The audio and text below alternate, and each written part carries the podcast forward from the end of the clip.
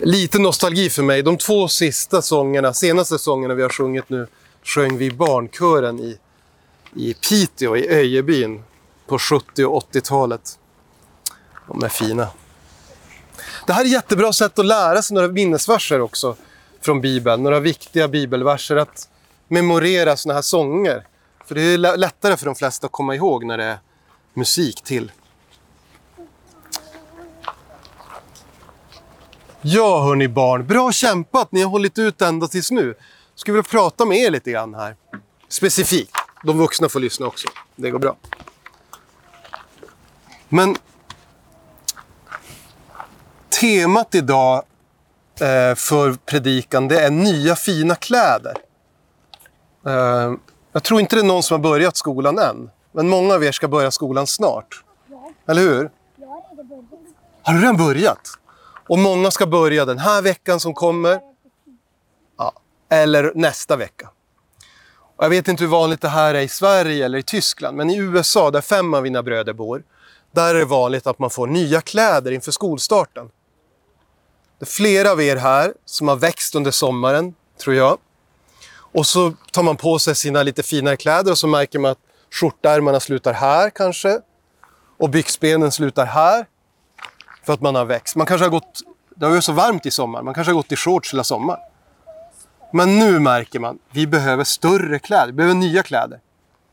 Och eh, i alla fall i USA så tar man gärna kort då, första skoldagen och så står barnen lite uppställda så där, i sina nya fina kläder och så skickar man till släkt och vänner. Så här ser de ut nu. Vi återkommer till det här med nya kläder. Men jag tänkte en annan sak med skola och fritids och förskola. Om det kommer ett nytt barn till ens klass, eller en ny tonåring om man är äldre, till ens klass. Hur gör man för att lära känna dem? Hur lär man känna en ny person? Först ser man dem bara kanske, och så kanske fröken eller magistern säger ja det här är Bosse, han är ny i vår klass. Ta hand om honom nu så han känner sig välkommen. Om man vågar kanske man pratar lite med Lisa, om hon heter så. Man kanske leker på rasterna eller man kanske jobbar tillsammans i ett grupparbete. Så lär man känna dem bättre och bättre. Paulus vill prata med oss idag om hur vi har lärt känna Jesus. Hur kommer det sig att ni känner Jesus Kristus? Och då säger Paulus att vi har lärt känna honom genom ordet. Bibeln, Nya Testamentet, är full av ord som Jesus har talat. Och när vi läser det och hör det, då lär vi känna honom. Bland annat talar han mycket i liknelser. Ni känner igen ganska många av dem. Liknelsen om den förlorade sonen, eller om man så vill, liknelsen om den kärleksfulla pappan som tar emot sonen när han kommer hem igen. Eller lik, liknelsen om den barmhärtige samariten som tar hand om den där mannen som blev misshandlad nästan till döds. När vi lyssnar till Jesu ord, då lär vi känna honom, vem han är. Liknelserna talar om vilka vi är. Men de talar också om hur vi ska behandla andra. Och kanske viktigast av allt, de talar om vem Gud är. Vi får lära känna Jesus som faktiskt är Gud genom liknelserna och hans övriga undervisning.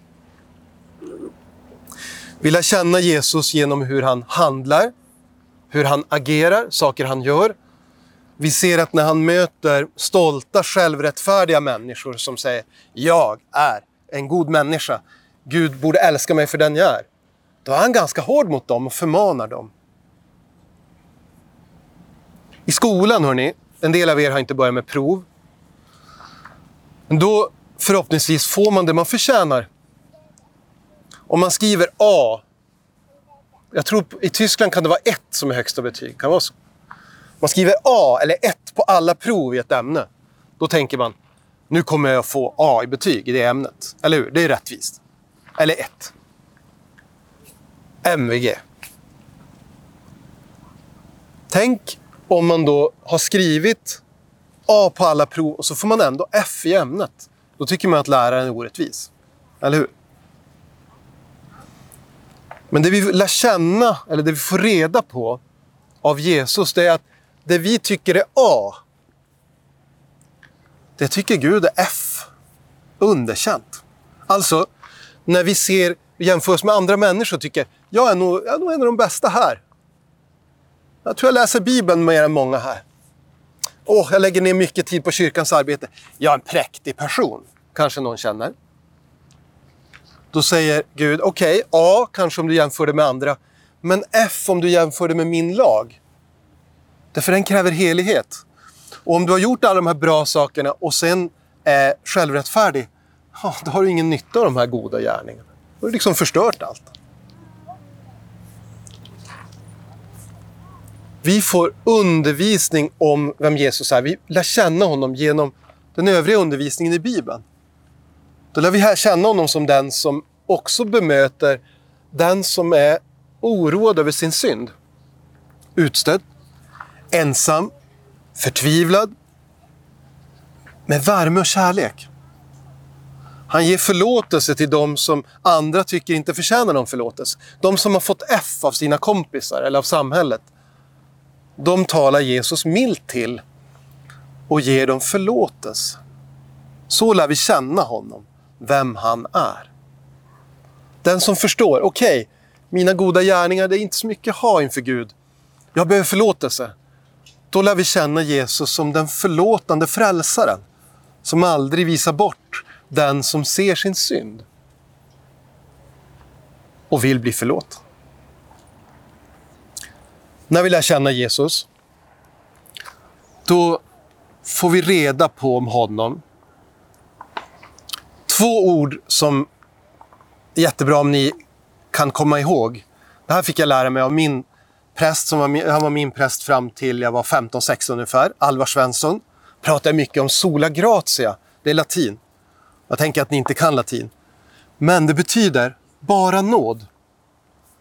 Jesus, när vi får lära känna honom så förstår vi att inför Gud kan vi komma endast av nåd. Allt är en gåva. Tänk om man skriver F på alla prov under hela läsåret i engelska. Eller matte. Tänk om man har dålig närvaro. Och sen i slutet av läsåret får man A. Det är ju inget bra med lärare gör så. Men det är nåd. Att vi får det vi inte förtjänar. Allt av nåd. Tack barn för att ni lyssnade. I vår text idag så fortsätter Paulus med ett jätteviktigt därför. Därför. Vi har fått lära känna Jesus, hur han är och vem han är. Och därför, säger Paulus, så ska vi leva på det här sättet. Det här är jätteviktigt, den här kopplingen som han gör. Därför att han ställer två saker i rätt ordningsföljd. Omvändelsen, som ju är att Gud vänder på oss. Den som är på väg åt fel håll vänder Gud på, så att han istället är på väg till, åt rätt håll, mot himmelriket. Omvändelsen först och därför helgelsen. Det vill säga, det kristna livet. Vår dagliga strävan, kamp efter att göra det som är Guds vilja. Göra det som är gott. Och hålla oss borta från det som är dåligt för andra människor och för oss själva. Paulus säger att vi ska lägga bort den gamla människan. Det är en märklig bild. Lägga bort den gamla människan. Vad betyder det? Det handlar inte om pensionärer, utan det handlar om oss. Ibland så här på sommaren när man är ute och går och det är lite högt gräs. Då kan man ibland tro att man ser en orm ha! och bli jätterädd. Och sen om man vågar gå lite närmare så kan man se det är bara ett ormskinn. Det är ingen orm där. Det är bara ett torrt skal. Ormen har ömsat skinn. Den har växt ur sitt gamla skinn och liksom ormat sig ur det. Lite så är det att lägga bort den gamla människan. Vi lägger bort det här som är dött och förtorkat. Och så får vi nya fina kläder. Paulus uppmanar oss att lägga bort den gamla människan som är synden. Därför att den går under. Den har kort hållbarhetstid, den gamla människan. Den lever i kanske 80 år, eller 90 år, eller 100 år om man blir jättegammal. Men sen dör kroppen och så blir den bara ett sånt där torrt skal som ormskinnet i skogen. Det finns inget liv kvar i den. Och, säger Paulus, den dör för att den blir lurad av sina begär. Förrådd av sina begär. Begär är ett lite svårt ord. Vi pluggar på det med nionde och tionde budet med konfirmanderna. Men begär kan vara något man är väldigt sugen på. Nu kanske en del av er är jättesugna på att äta till exempel. På kvällen då får jag ett väldigt sug efter choklad. Så börjar jag leta i skåpen ibland om jag inte hittar choklad. Kanske längst upp, längst in kan det finnas någon choklad där som någon har gömt för att inte jag ska hitta. Ibland hittar man något. Men choklad är ju inte synd. Vi får äta choklad. Det går säkert att missbruka choklad också. Men när Bibeln talar om onda begär, då är det ett sånt där sug som man kan känna efter något som är fel. Och Vi kan likna det kanske vid en råttfälla. Har ni sett en råttfälla någon gång? Det är ju liksom ibland en träplatta och så är det en, typ en krok där man kan lägga en ostbit. Och så är det en stark fjäder och en liksom metallbygel. Och så sen när råttan kommer, eller musen kommer, nosar lite på osten och tar en liten försiktig smakbit, så slår den igen. Och man kan säga att djävulen gillrar sådana här människofällor för oss. Och då kanske han inte ens lägger dit ost precis. Men Paulus tar upp exempel på sånt som djävulen kan gillra den här människofällan med. För att vi ska smaka lite på den och gärna fastna, hoppas han. Och exempel han tar upp det är vrede. När vi blir arga på varandra, då är det väldigt lätt att vi syndar. För när vi blir arga så har vi svårt att tänka efter. Då säger vi kanske saker som vi inte riktigt menar. Då gör vi kanske saker som vi sen hade, skulle ha velat ta tillbaks. Akta er för ilskan, säger Paulus, därför att den kan leda oss i synd. Om ni blir arga, står det i bibelstället här, synda inte. För någon annan kan det vara lathet. Det finns en frestelse, nu vet jag det här är lite trend bland uh, unga människor, försöka bli miljonär innan 30 och så sen ska man kunna softa i 50, 60, 70 år kanske. Sen många av de här som blir miljonärer innan 30, de märker att jag måste göra något ändå, det blir långtråkigt annars. Men det finns en sån här lockelse lite grann. Tänk att inte börja göra någonting. Men lättja, inte viljan att vila ut sig, det är någonting bra. Men lättja, det beskriver Bibeln som en sån här fälla som lockar vissa av oss, men inte andra. Smutsiga ord, säger Paulus. Det låter konstigt också. Hur kan ord vara smutsiga? Det kan de vara. Eh, för mig, ni har säkert era egna associationer. Jag tänker mycket på, på fotbollsomklädningsrummet när jag spelar fotboll. Där var det gott om smutsiga ord. Alltså att man pratar, nu för tiden säger vi objektifierande om andra människor kanske. Eller uttrycker sig hatiskt mot andra. Eller retar varandra på ett ganska grovt sätt för att trycka dit varandra. Sånt här sker i skolor. Eh, det sker i viss mån på arbetsplatser också. Och inte minst på internet.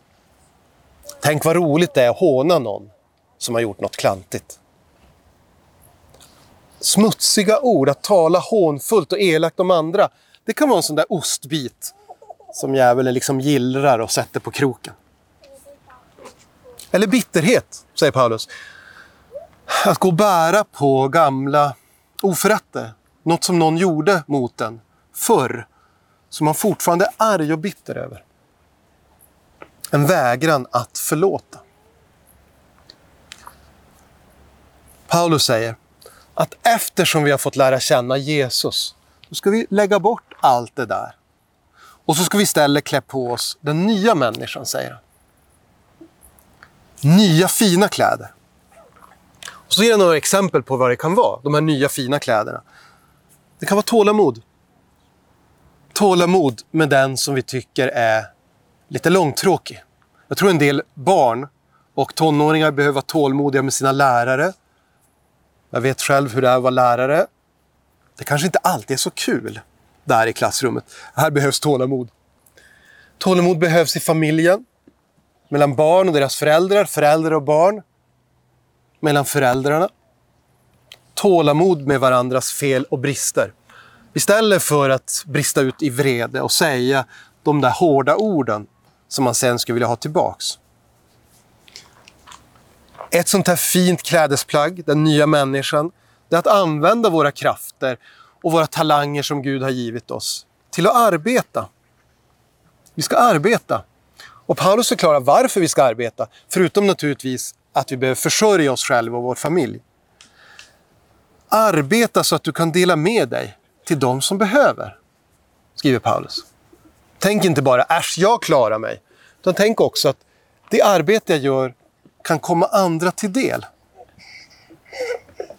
Det är en viktig del. Uppbyggliga ord nämner Paulus. Tala till andra så att de byggs upp.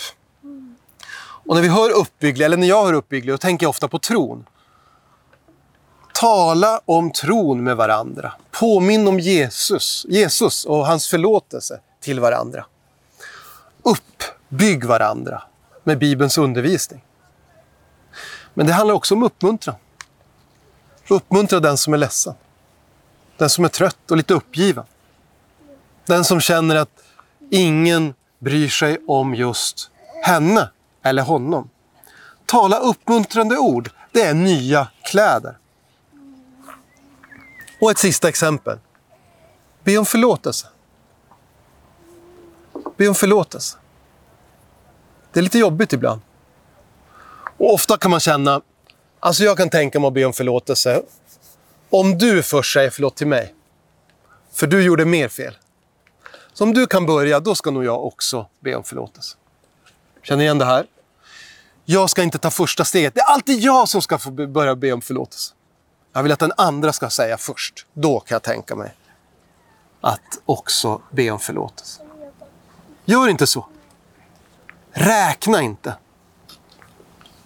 Utan be om förlåtelse. Och förlåt varann. Säger Paulus och Jesus. Förlåt varann, för ni har fått så mycket förlåtet. Låt förlåtelsen vara något som präglar era liv. Som präglar era familjer.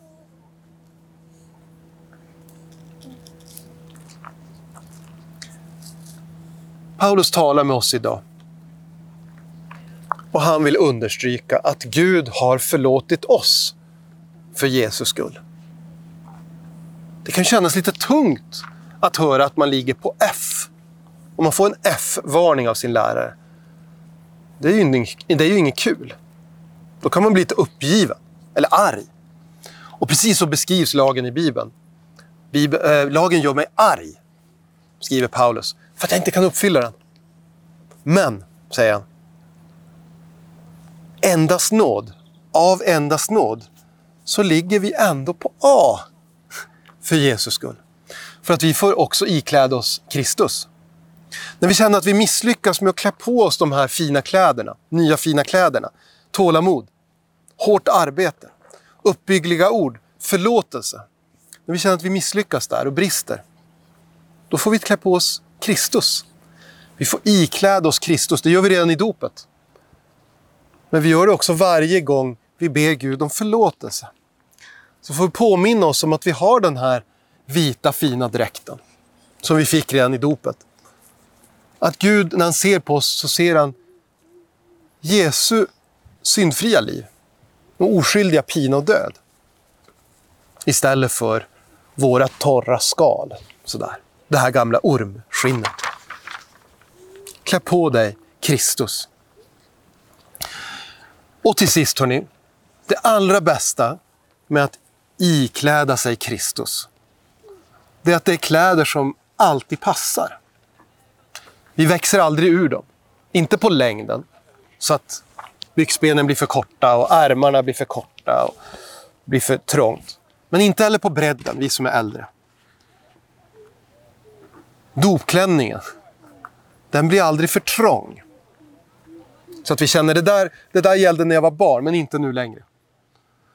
Jo, lovar Gud. Mitt löfte till dig i dopet, i evangeliet, mitt löfte till dig den dag du blev en troende, det gäller hela livet. Du kommer aldrig att växa ur dem. De kommer aldrig att bli omoderna. Så när vi kämpar på med att varje dag lägga bort den gamla människan och klä på oss den nya människan, ska vi påminna oss om att i Guds ögon så är vi faktiskt rena och syndfria. Amen. Låt oss be. Kära himmelske Fader, nu när vi kommer tillbaka till förskola och skola och arbete och vardag.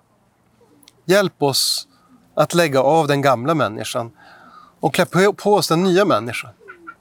Inte för att förtjäna himlen, det kan vi aldrig göra, utan därför att du redan har dött för oss. Vi ber att du ska hjälpa oss att vara dina representanter i världen. Hjälp oss att stå emot frestelser och hjälp oss att sprida kärlek omkring oss. Vi ber i ditt eviga namn. Amen.